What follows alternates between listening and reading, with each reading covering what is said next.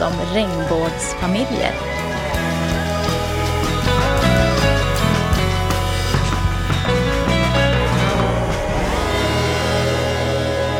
Hej och välkommen till Regnbågsfamiljspodden Safir.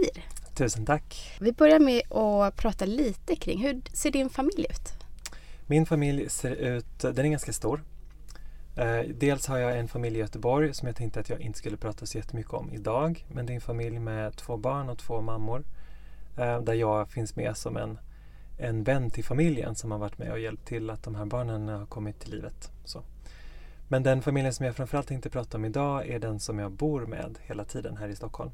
Och det är en familj som består av tre vuxna, tre föräldrar och ett barn som snart fyller sju. Just det. Härligt.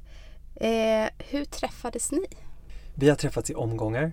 De andra två föräldrarna har varit tillsammans i, vad kan det vara, kanske 15 år? Något sånt. Och jag och en av de andra föräldrarna har varit tillsammans i kanske åtta, sju, nej, åtta, nio år. Något sånt. Vi, är inte, jag är inte, ja, vi har inte stenkoll när vi egentligen blev ihop. Men, men vi har träffat, vi kanske framförallt vänner egentligen i grunden. Så. Sen så har vi också kärleksrelationer sinsemellan i, i familjen på lite olika sätt. Så. Mm. Men vi träffades genom RFSL Ungdom träffade jag min partner och de andra två träffades genom något studentliv tror jag för länge sedan. Mm. Så, men genom att jobba med gemensamma projekt kring normkritik och sexualitet på olika sätt. Så träffades vi. Mm. Och det tog ett litet tag innan jag blev tillsammans med min partner så vi var vänner först i några år. Um, och sen så småningom då så träffade jag hennes andra partner och uh, vi blev också vänner och på den, vägen, på den vägen är det helt enkelt. Sen har vi byggt familj utifrån det. Mm. Hur valde ni att uh, skaffa familj då? Eller bilda? Jag var väldigt barnsugen när uh, vi bestämde oss för att flytta ihop. Och de andra två hade gått och funderat länge på om de skulle skaffa barn och hade också känt att de, de ville nog det men de ville inte skaffa barn i den konstellationen som som de var just då med bara ja, men två personer. Att det, de kände att de lätt skulle falla in i någon slags kärnfamiljsfälla. Mm. Och jag hade redan försökt flera gånger att skaffa eller bilda andra familjer. Dels en, en familj i Göteborg som inte är den som jag har nu. Uh, men sen höll jag också på att försöka göra barn tillsammans med en kompis som är en av de mammorna som har, som har barnet, barnen i Göteborg. Så när vi väl flyttade ihop um, så var vi ganska inne på att vi också skulle försöka få barn. Och det var inte helt givet. Vi pratade först om att vi skulle flytta ihop och hade ganska många tankar kring hur ska vi bo då? För att jag var väldigt övertygad om att jag ville ha barn och jag ville gärna bilda familj ganska snart. Och eftersom vi då skulle flytta ihop skulle vi då bo någonstans i närheten av vänner till mig. Jag har alltid varit väldigt inne på att jag skulle vilja skaffa barn med vänner snarare än kärleksrelationer. Och um, vi tänkte också ett tag att vi kanske skulle bo jättestort så att andra personer skulle kunna flytta in så, mm. och bilda familj på något sätt. Tills vi insåg att ja, men vi har egentligen den helt perfekta lösningen framför oss. Att vi är tre personer som vill skaffa barn. Vi skulle vara ganska perfekta föräldrar tillsammans. Vi ska ändå flytta ihop. Det var så många förutsättningar som vi bara inte hade sett egentligen. Att det var ju faktiskt vi som borde skaffa barn. Mm. Så vi flyttade ihop, provbodde i tre månader som vi hade bestämt oss för. Eh, och sen försökte vi göra barn och eh, lyckades direkt. Mm. Om man backar lite till det här med att skaffa barn med vänner. Vad, vad menar du med det? Varför är det en sån fördel tycker du? Ja, men jag tror på hållbara konstellationer kring barn. Det tänker jag alla tror på. Så att det är ett livslångt, eh, livslångt present, ett livslångt åtagande förstås att bli förälder. Och om jag tittar runt omkring mig på de relationer som håller och som jag tittar i mitt eget liv, de relationer som håller, så är det framförallt vänskapsförhållanden som, som håller eh, över tid. För de allra flesta. De allra flesta relationer omförhandlas. Eh, mm. Alltså kärleksrelationer, romantiska relationer omförhandlas efter tid. Folk gör slut eller blir bästa vänner istället eller skaffar andra partners. Och det mm, kan komplicera väldigt mycket om man har skaffat ett barn i en romantisk relation från början. Så tänker jag att det kan kompliceras mycket för att man inte har kanske utgått från att livet kan förändras eller att man bygger, man bygger relationen på någonting som är kanske lite mer krast och rationellt som mm. vänskap många gånger bygger på. Att man delar någonting gemensamt, det är därför man blir vän med någon. Eller man delar ett, ett eh, ja, men en, ska man säga, en medkänsla för andra människor. Det är så, det är så jag ser att man bygger vänskap på. Gemensam, gemensam, framförallt gemensamma intressen kanske. Mm. Eh, snarare än en attraktion eller en förälskelse som ju alltid är övergående. Mm. Eller i alla fall förvandlas eller transformeras på något sätt. Jag har inga åsikter om att folk skaffar barn på det sättet. Det är kanske fortfarande det vanligaste sättet som folk skaffar barn på. Att de utgår från en romantisk tvåsamhet många gånger. Men jag kände att jag vill bygga någonting som jag tror på är hållbarare. Mm. Jag har inte haft romantiska relationer som har varat hela mitt liv eller som har varit lika länge som mina vänskaper har varit. Så att rent krasst och rationellt kändes det bäst. Mm. Om man tittar på fördelarna med att vara tre föräldrar då? Vad, vad ser du där? Och det finns så många fördelar med att vara tre eller att vara fler. Det måste inte specifikt vara tre. Men rent så här gruppdynamikmässigt upplever jag att jag har nog fått ut mest av alla konstellationer jag varit i så har nog just tre varit det allra bästa. Så. För att då måste man komma överens Mm. eh, på ett annat sätt än om det blir Alltså tre är lite för få för att få en majoritet. Så här. Man Mm. fattar någon form av majoritetsbeslut. Men det är fler än två vilket gör att dynamiken och tankar och input och lösningar och så vidare kan bli lite mer kreativa för att man faktiskt är tre. Mm. Så. Men det, nu råkar jag vara i en familj med tre och vi råkar ha en väldigt ja, men, stabil och sund familj. Så Mm. Det kan säkert bli precis lika bra om man är fem eller fyra eller sju eller vad vet jag. Eller två Mm. för den delen eller en. Så, givetvis. Så. Mm. Men för mig så är är tre ett väldigt bra tal för att få en bra gruppdynamik. Sen givetvis, vi bor ju tillsammans och det tänker jag är en förutsättning för ett föräldraskap som är ganska jämlikt skulle jag vilja säga. Eh, Jag har själv försökt att vara förälder på andra sätt när jag inte har bott med barn och det har varit jättesvårt. Mm. Så, så för min egen personliga del så behöver jag bo med barnet eller barnen och också med de andra föräldrarna för att det verkligen ska kunna bli så, så jämlikt som möjligt. Vad är det som har varit svårt när du inte har bott samma, under samma tak? Alltså det är det här att vardagslösningar kan bli väldigt mycket större om man inte får vara med. Mm. Så. Ehm, det kan vara lätt att känna sig utanför. Det kan vara lätt att beslut fattas som visar sig kanske vara jätteviktiga för mig att få vara med om men som för andra kanske bara blir en, en vardagsgrej. Så här, men vadå, det där löste vi i farten bara. Men för mig kanske det där kändes jätteviktigt. Att jag har lättare då att få vara inbjuden i de besluten och få vara med. Mm. Eh, Men också att jag själv kan lita på att konstellationen håller. För den familjen som jag har med tre, tre vuxna, tre föräldrar har ju inte ett juridiskt skydd. Det är bara två av föräldrarna som har ett juridiskt skydd och den föräldern då som inte har det eh, om inte den till exempel skulle bo med barnet eller Mm. barnen så är det så otroligt lätt att känna sig utanför och inte känna sig som en självklar del av familjen för man har inte heller de juridiska rättigheter och skyldigheter till barnet. Mm. Eller kanske heller omvärldens förståelse. Mm. Eftersom vi är tre vuxna som är föräldrar tillsammans och som bor med barnet så kan inte heller någon utifrån säga att den tredje personen av oss, då som inte är juridisk förälder, inte heller skulle vara förälder eftersom vi faktiskt bor ihop och tar ett gemensamt jämlikt ansvar. Mm. Om vi stannar just vid den juridiska biten. Hur, hur tänkte ni där? Både inför och liksom under. Jag tänker graviditet och förlossning och sånt och sen även efter. Ja, I familjen så är det en person som har möjligheten att bära ett barn i familjen och sen Mm. så är vi två personer som i alla fall då em, hade möjlighet att eh, erbjuda spermier. Så.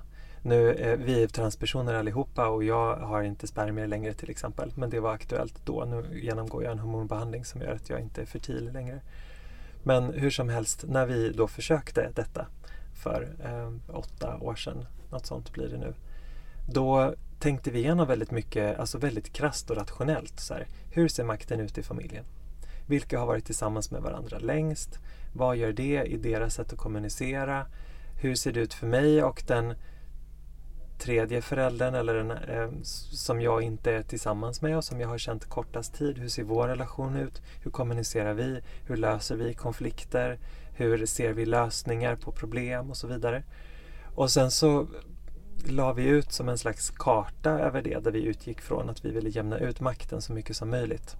Så då, eftersom bara en person kunde bära barnet eh, men vi faktiskt hade ett val med vem den andra genetiska föräldern skulle vara. Så Mm. Då utsåg vi helt enkelt den föräldern biolo- alltså den andra genetiska biologiska föräldern utifrån hur maktbalansen såg ut för att Mm. kunna jämna ut det så mycket som möjligt. Och den personen då som är biologisk genetisk förälder men som inte burit barnet är inte den juridiska föräldern. Just Så det. det har vi ehm, delat på. Okej. Hur kunde man göra det? Hur fick ni hjälp med det? Eh, genom att eh, slå våra kloka huvuden ihop Mm. och tänka ut hur det skulle kunna se ut. Vi har också pratat med eh, Erik Mägi som är en jurist som jobbar mycket med regnbågsfamiljejuridik Mm. och eh, fått hjälp av honom att försöka se hur, hur en sån konstellation skulle kunna hålla så bra som möjligt. Mm. Sen så har vi använt eh, föräldraskapspresumtion Mm. eh, som en rent juridisk modell. Så att personen som bar barnet och den personen vi ville som skulle bli juridisk förälder, de var gifta vid förlossningen och Okej. då blev de automatiskt juridiska föräldrar. Så vi har inte behövt eh, berätta någonting annat så eftersom Nej. den presumtionen finns. Väldigt smart måste jag Mm. säga. Jag har inte hört om det tidigare heller. Ja. Sen har vi också sinsemellan gift oss med varandra i en viss ordning och skilt oss. För att nu har ju Mm. faktiskt Försäkringskassans regler ändrats lite grann sedan årsskiftet. Men, Berätta. eh, ja, förut så kunde man bara överlåta föräldradagar till en person som man var gift med eller, var, eller har varit gift med. Men man behövde vara sambo också då samtidigt. Och det är ju väldigt svårt att ha flera eh, status samtidigt. Man kan ju till exempel inte vara gift och vara sambo samtidigt och så vidare. Så där fick vi tänka smart kring att personen som inte är juridisk förälder har varit gift tillsammans med eh, en av de juridiska föräldrarna och är fortfarande sambo. Eh, Okej. så. Men då behövde de också skilja sig för att det skulle funka och så vidare. Det där var en ganska knivig process och det var mycket det vi fick hjälp av den här juristen för att försöka se. Mm. Nu har det blivit lite lättare för att de har Försäkringskassan har förbättrat de där reglerna lite grann. Att det är lite lättare att överlåta dagar till en sambo eller en person som man har varit gift med. Men det är fortfarande så att det är ganska svårt att ha flera, eller det är faktiskt ganska omöjligt att ha Mm. flera status samtidigt. Så man kan inte vara gift och vara sambo till Nej. exempel på samma gång. Men vi har lyckats ge föräldradagar till varandra. Det är det allt det här handlar om egentligen. Vilket också var en förutsättning för att det skulle bli så jämlikt Mm. i familjen som möjligt. Så att vi har varit föräldralediga en tredjedel var. Mm. Ehm, så. så att båda de två juridiska föräldrarna har kunnat ge dagar till den tredje föräldern eftersom den, en har varit gift med dem och den andra är sambo. Mm. Jättebra. Mm, Men, ja, det, tog, det tog lite tankeverksamhet att tänka Ja. ut den här modellen men den har faktiskt funkat. Ja. Sen är kanske inte Försäkringskassan den myndigheten som har varit mest uppdaterad på hur deras egna Nej. regler ser ut. Så att, så att varje gång vi har ringt till dem och försökt få igenom de här för- föräldradagsöverlåtningarna Mm. till exempel eh, så har det, vi har fått prata med nya handläggare varje gång så funkar det på Försäkringskassan Mm. och de har oftast inte vetat vad vi pratar om. Nu har de ett begrepp som heter tredje förälder Mm. och jag har hört från andra familjer som, är, som också består av, av tre, vuxna, tre vuxna föräldrar ehm, att de faktiskt har använt tredje förälder ehm, termen Mm. så, ganska självmant faktiskt. Det, har inte, det funkar inte senast jag ringde till Försäkringskassan Nej. och undrade varför, varför inte jag kunde se de föräldradagarna jag har kvar och så vidare liksom, på nätet. Eh, och försökte då säga liksom, så här, men jag är tredje förälder till det här barnet och sådär. Och det var, det ehm, visste de inte om att det fanns ett begrepp och de kunde inte Mm. hjälpa mig Mm. heller. Okej. Så, så att eh, de har lite jobb kvar att göra men Ja. reglerna har, har förenklats och förbättrats lite grann i alla fall nu vid årsskiftet. Mm. Fantastiskt det också, tycker Mm. jag.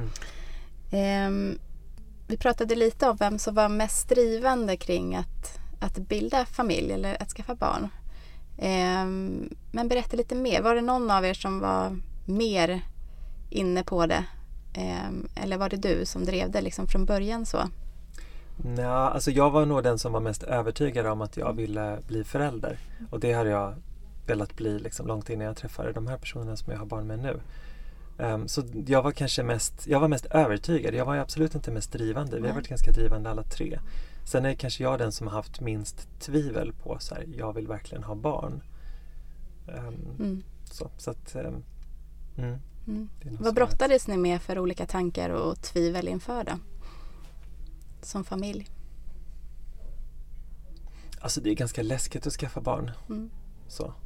Eh, dels apropå jordens framtid och överbefolkning och miljöbelastning och så vidare så tänker jag att alla måste tänka hundra gånger om de verkligen ska skaffa barn. Om Mm. det verkligen är det motiverat att, att, eh, att skapa mer mänskligt liv helt enkelt. Mm. Alltså ganska krasst så tänker jag. Så det var någonting som vi brottades med och där tänker jag också att det kan ju vara fantastiskt då att vara ett helt gäng föräldrar som delar på, delar på ett barn eller som delar på ett föräldraskap. Att det faktiskt jämnar ut lite mer då att alla behöver inte ha ett eget barn och så Nej. vidare. Även om jag vill verkligen betona att jag inte ehm, lägger någon värdering på hur folk bildar familj.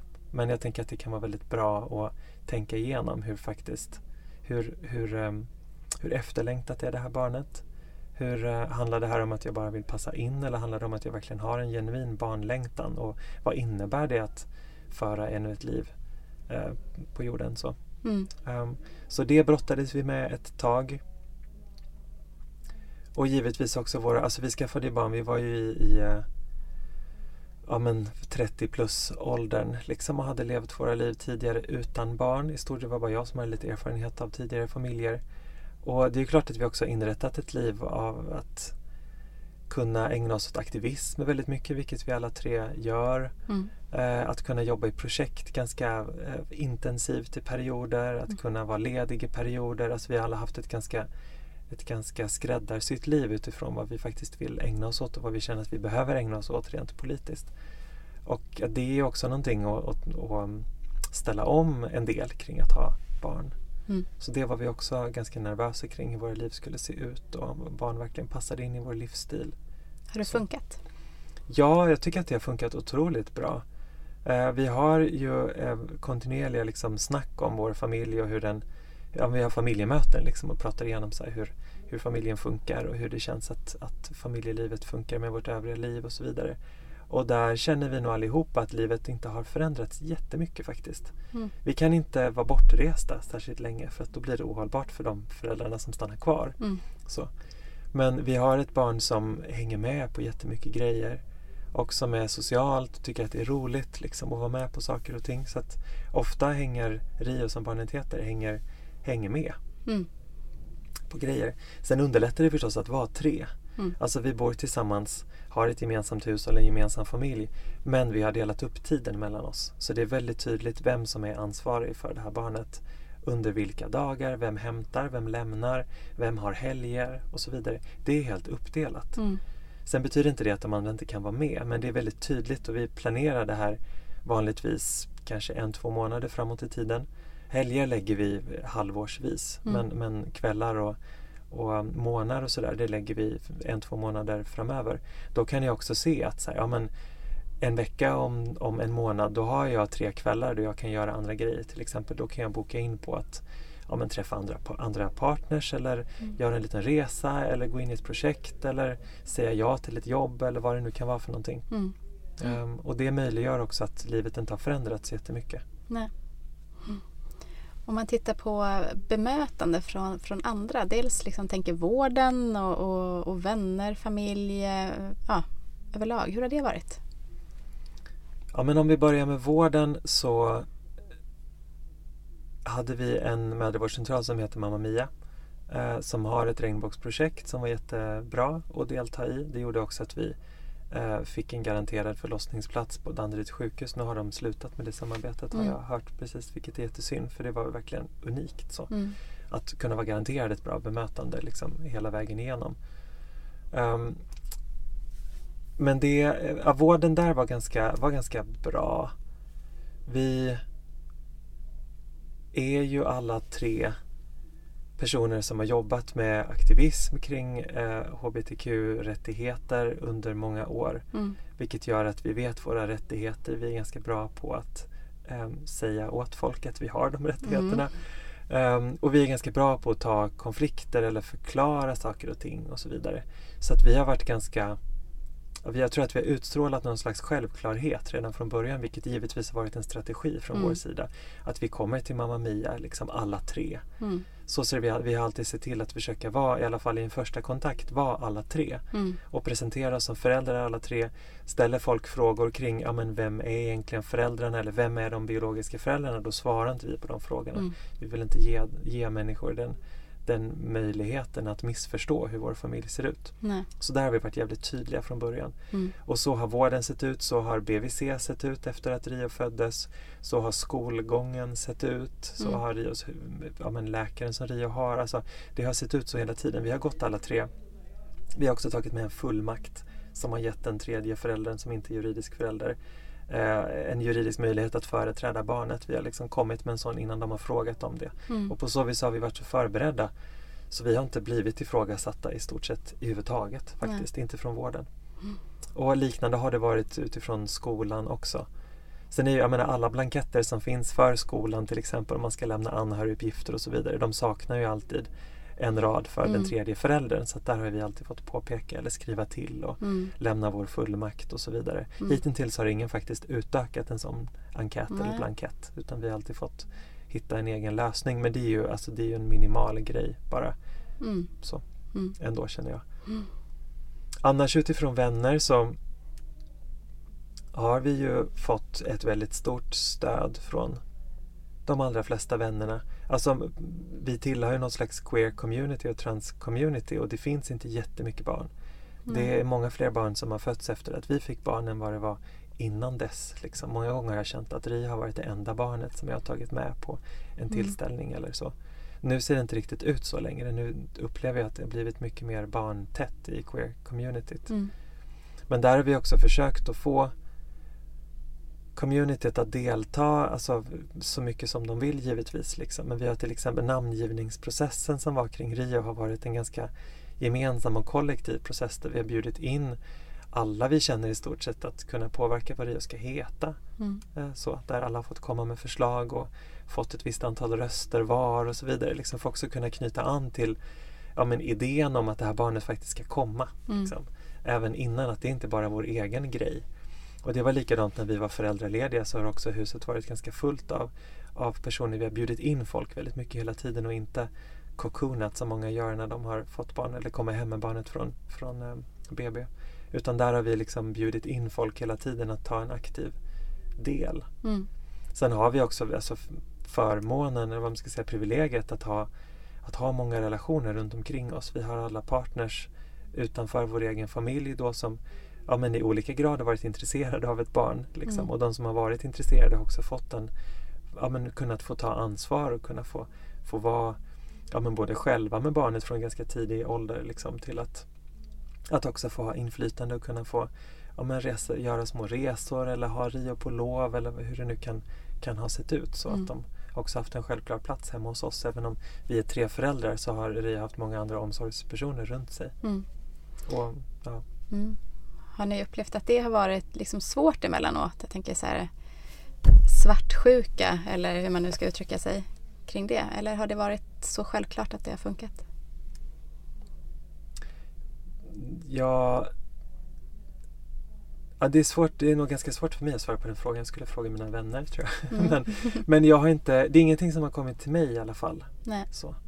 Men eftersom vi redan från, alltså från det att vi kom hem från BB i stort sett så har vi delat upp tiden mellan oss. Vilket gjort att även den personen som bar barnet har kunnat ha ganska mycket egen tid. Eller kunna faktiskt ha två tredjedelar av tiden som egen tid. Nu ville vi verkligen liksom gulla med den här lilla ungen liksom Mm. och med varandra så mycket som möjligt. Och vi passade också på. Vi var lediga allihopa första månaden liksom, och sen började vi turas om att vara föräldralediga. Men vi umgicks väldigt mycket hemma tillsammans eh, första tiden. Och då bjöd, såg vi till att bjuda in alla våra nära vänner så att de också kunde få vara med. Att vi inte stängde ute dem eller Mm. kände att nu ska vi ha en period bara då vi själva ska få vara, Mm. ja, men ska få vara med det här barnet. Ehm, men eh, Rio vill inte heller amma utan uh, Cal som bar barnet har pumpat, pumpade under de första månaderna vilket gjorde att alla kunde mata Mm. precis lika bra. Mm. Och det gjorde att vi alla kunde få sova ut eh, i alla fall liksom några nätter i Mm. veckan. Vi kunde få sova ostört då. Eh, Cal kunde få känna att en kunde få tillbaka sin kropp. Liksom att inte, ja, men Mm. Från att ha varit så påverkad av en graviditet att då inte faktiskt behöva vara lika påverkad av en amning utan kunna få ja, men återgå till en, en annan integritet. Så här var väldigt viktigt för den personen. Eh, men det gjorde också att vänner som kom och hälsade på kunde också få möjligheten att mata Rio och sådär. Mm. Ehm, och det, vilket var jätte, ja, verkligen ett fint sätt att få Rio att knyta an till hela vår storfamilj liksom, och Mm. inte, bara, inte bara den innersta kretsen. Precis. Om man tittar på för Rios del, hur har det varit? Jag tänker att ni har ju varit så självklara som du pratade om. Har det hjälpt till eller? Hur menar du? Ja, men jag tänker bemötandet eh, i skola till exempel, bland kompisar. Har det varit något liksom, ifrågasättande där eller har, har ni rustat Rio för... Ja, ja, men det är en bra fråga. Alltså, vi har ju alltid svarat på frågor själva. Det tänker jag är väldigt viktigt. Mm. Liksom. Att dels frågor som Rio ställer försöker vi svara på eh, så utifrån allra bästa förmåga. Men också se att Rio då kan till viss del ha ett språk och en liksom, möjlighet att svara på frågor själv men att vi givetvis stöttar upp där. Så. Och Rio har absolut fått frågor eh, och kan ibland bli väldigt frustrerad på att få frågor. Nu handlar det inte så jättemycket om vår egen familj för jag tänker att det är, det är så många barn som ändå har bonusföräldrar och extra syskon eller som har ensamstående föräldrar och så vidare. Så just att vi är tre föräldrar är inte så himla... Det kanske är lite ovanligt just att vi bor tillsammans och har familj på det sätt som vi har. Men det är inte konstigt för ett barn att knyta an till flera olika Nej. föräldragestalter. Så. så det känner inte jag att någon har ifrågasatt i stort sett. Inte barnen, inte personalen på förskola eller skola och så vidare. Så har det inte riktigt varit. Däremot så kan det väl vara svårare för barn och vuxna att greppa vilka vi är rent identitetsmässigt. Vi är tre transpersoner. Eh, vi är icke-binära, vi använder hen som pronomen om oss själva. Ehm, och det gör också att ja, men personen som bar barnet kan tänka sig att vara och kalla sig för mamma. Så att Rio har en mamma men sen har Rio två andra föräldrar. Mm. Så. Och det är väl snarare det där att folk kan fråga så här, är du Rios pappa? Mm. Och bara, nej jag är Rios förälder. Rio har tre föräldrar. Att det, det är mer, folk har mer hakat upp sig på att Rio inte har mamma och pappa eller Mm. mammor och pappor. Så, Mm. Utan att Rio faktiskt har tre föräldrar. Mm. Och för oss som transpersoner känns det viktigt att använda de orden. Mm. Sen skulle Rio ha mamma och pappa och sådär så är det också så lätt att falla in i en modell av att då har man en mamma och en pappa. Mm. Så. Det är svårt att ha Många tror att det, tänker att det kan vara svårt att ha liksom fler av varje. Så Mm. Att det blir, det blir nästan mer förvirrande. Eh, och därför känns det viktigt för oss att just använda förälder som begrepp som redan är ett könsneutralt ord. Mm. Så. Eh, och där märker jag att de frågorna tar nästan aldrig slut. Nej. Och jag vet när Rio gick i förskolan och fick de frågorna, aldrig av personal men, av, men från andra barn för att vi var flera olika personer som kom och hämtade olika dagar i veckan. Då fick Rio ganska mycket frågor så här, hur många, har du, har du en pappa? Och Rio bara så här, nej jag har ingen pappa, jag har föräldrar och har försökt förklara det. Eh, och där har jag många gånger blivit frustrerad över att de frågorna inte tar slut. Att Mm. barnen kan fråga igen och igen och igen och igen och igen. Ehm, och där stöttar vi upp. Och jag Mm. vet inte, jag har tagit oändligt många sådana samtal med de andra barnen som går på Rios olika skolor som en har gått på. Eh, att försöka ja, men, ha extra mycket tålamod. Jag blir också jävligt Mm. frustrerad över att få Mm. de frågorna. Jag fa- fattar de inte liksom. Jag har redan Mm. förklarat för det här barnet tio gånger så. Men jag förklarar en elfte gång för jag tänker att jag, det är mitt vuxenansvar, det är mitt föräldraansvar att, att förklara det. Mm. Så Rio har inte valt sin familj men jag har valt Rio in i min familj. Så, Mm. så det blir också mitt ansvar. Eh, och nu tycker jag ändå, nu, men Rio går i ettan nu.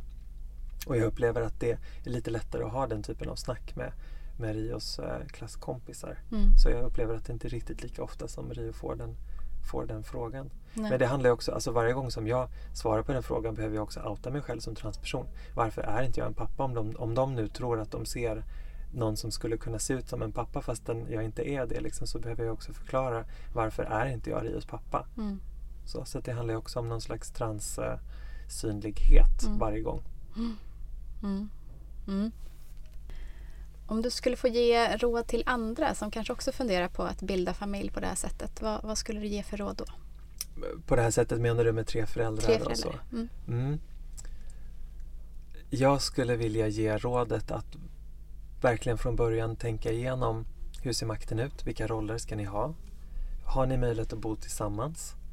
Eh, om ni inte har det, hur kan ni se till att det blir så jämlikt som möjligt? Kan barnet bo på ett och samma ställe hela tiden och ni andra byter plats? Eller hur skulle det kunna se ut? Mm. Hur, eh, finns, det, finns det förskola i närheten? Finns det skola i närheten som kan vara aktuellt?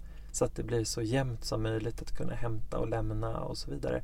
Men också att det finns en kontinuitet kring vänner och sådär. Alltså i stort sett alla Rios vänner bor i samma, i samma hus eller i samma kvarter. Mm. Och det är också de som antagligen med största sannolikhet kommer gå på samma förskola och kanske också kommer söka sig till samma grundskola och så vidare. Att det kan få följas åt, att det kan bli så sömlöst som möjligt för barnet.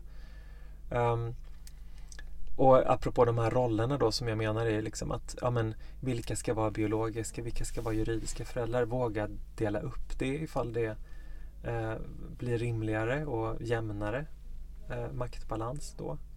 Men en annan bra fördel med att dela upp eh, tiden som man faktiskt är aktiv, närvarande, eh, ansvarsfull eh, förälder är också att olika ja, men olika regler eller förhållningssätt kan faktiskt få samsas då. Mm. Jag menar, vi äter inte exakt samma sak. Vi har inte precis samma kosthållning i familjen till exempel. Och istället för att försöka bråka om så här, men ska Ria vara vegan eller ska Ria vara vegetarian eller får Ria äta ägg eller liksom vad hur det nu kan vara så här, tills en själv får välja. Så har vi ju då valt att så här, den föräldern som är huvudansvarig det är dens regler som gäller då eller mm. dens förhållningssätt. Och det kan handla allt om hur läggningsproceduren ser ut till vad man faktiskt ska käka eller hur lång tid får man kolla på TV och så vidare. Och det handlar inte om att vi inte vill försöka komma överens eller vill prata och försöka hitta en samsyn på sådana saker utan det är helt enkelt att när vi märker att så här, nej men de här sakerna är väldigt viktiga för för oss alla fast på lite olika sätt, då delar vi helt enkelt upp de reglerna. Mm. Så att olika dagar kan ha lite olika förhållningssätt. Och det, så har vi gjort från början och det har faktiskt aldrig varit förvirrande. Utan Nej. Rio har bra koll på vem som är ansvarig. Hen har en egen väggkalender där vi skriver i vem hämtar, vem lämnar. Så att Rio också vet det. Mm. Liksom att det är tydligt också för. Så här, vem, vem är min ansvariga förälder idag? Mm. Det har också gjort att olika, ja, men vi olika föräldrar har aldrig spelats ut mot varandra. Det har aldrig varit så att Rio får nej från en förälder och då går han och frågar nästa förälder om han kan få någonting eller få göra någonting eller vad det nu kan handla om. Så här, det har aldrig hänt utan Mm. den föräldern säger bara Men vet du vad, prata med den föräldern som har huvudansvaret för dig då. Mm. Det låter ju väldigt sunt och väldigt klokt. Mm. Ja.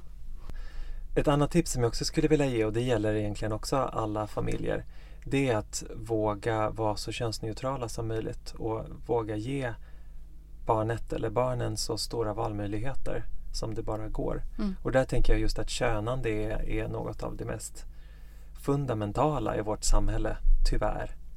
Eh, och den första frågan som många ställer när man säger så här, jag har blivit förälder, jag har fått ett barn, är så här, ja, vad blev det för någonting? Liksom. Och att då vill de då veta om det blev en, en flicka eller en pojke och hur de då ska förhålla sig till allt ifrån hur de ska prata till det här barnet eller hantera eller hålla i det här barnet, vilka presenter de ska ge eller vad det nu kan handla om. Så här. Och där valde vi att eh, inte berätta eller inte anta att Rio har ett visst kön bara utifrån vilka könsorgan hen föddes med. Mm. Um, så, utan där har vi använt hen väldigt konsekvent eh, genom åren som pronomen. Men också varit otroligt lyhörda kring så här, att Rio själv ska få bestämma. Så att vill Rio använda eller vill vara någonting annat, om Rio säger så här, men jag är en flicka eller jag är en pojke eller vad det kan vara. Att vi genast fångar upp det då och genast ändrar vårt språk. Mm. Det är egentligen bara språket det handlar om. Vi behöver inte bete oss på något annat sätt. Det behöver man inte Nej. göra, liksom, det är ingen skillnad. Men, men att det, det är inte det första som händer givetvis att ett barn bara säger jag vill vara någonting annat eller sådär Mm. utifrån kanske en, en mänsklig eh, kategorisering utan de flesta barn vill ju vara djur Mm. till exempel. Det tänker jag att nästan alla barn är så här, jag är en katt nu eller jag är en Mm. hund eller jag är en haj eller vad det kan vara. så. Mm. Och där började vi bygga på Rios självförtroende och Rios eh, känsla av att så här, jag har faktiskt en valmöjlighet. Mm. Så att när Rio ville vara den där katten och den där hunden och så vidare så har vi tagit det på allra största allvar. Mm. Ehm, och direkt så här, absolut, det här är vad du är. Vi lyssnar på dig. Vill du äta din middag i en skål på golvet för att du nu är en hund så absolut. Liksom. Mm. Och verkligen vara noga med att lyssna på alla sådana tänkbara små vinkningar från Rios sida att så här, jag vill faktiskt vara det här eller jag är det här. Så.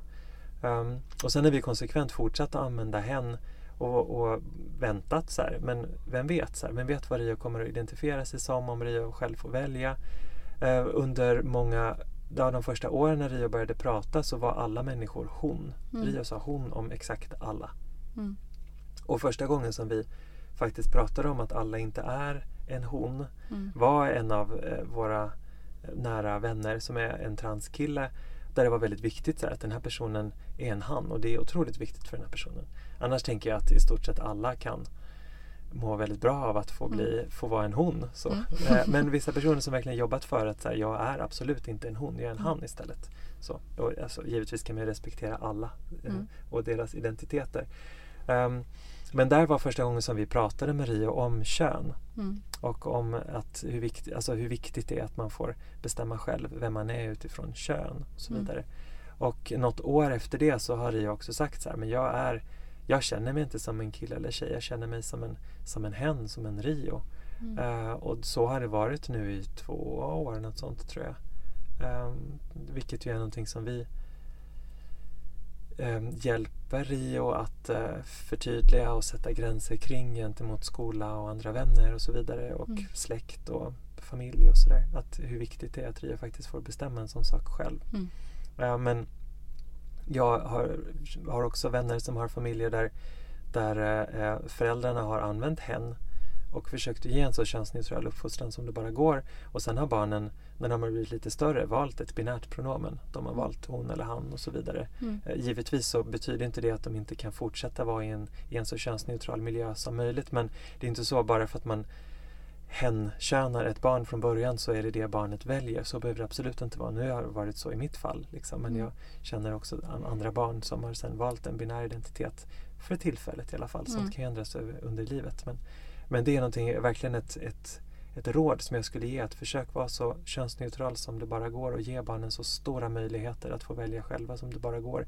Det skapar det skapar självsäkra barn och det rustar också barn för alla tänkbara frågor de kommer kunna få eh, som kan ifrågasätta deras familj eller ja, hur den ser ut och, eller hur de kan ha blivit till och så vidare. Alltså, om barnen kan få identifiera sig, eller vad heter det?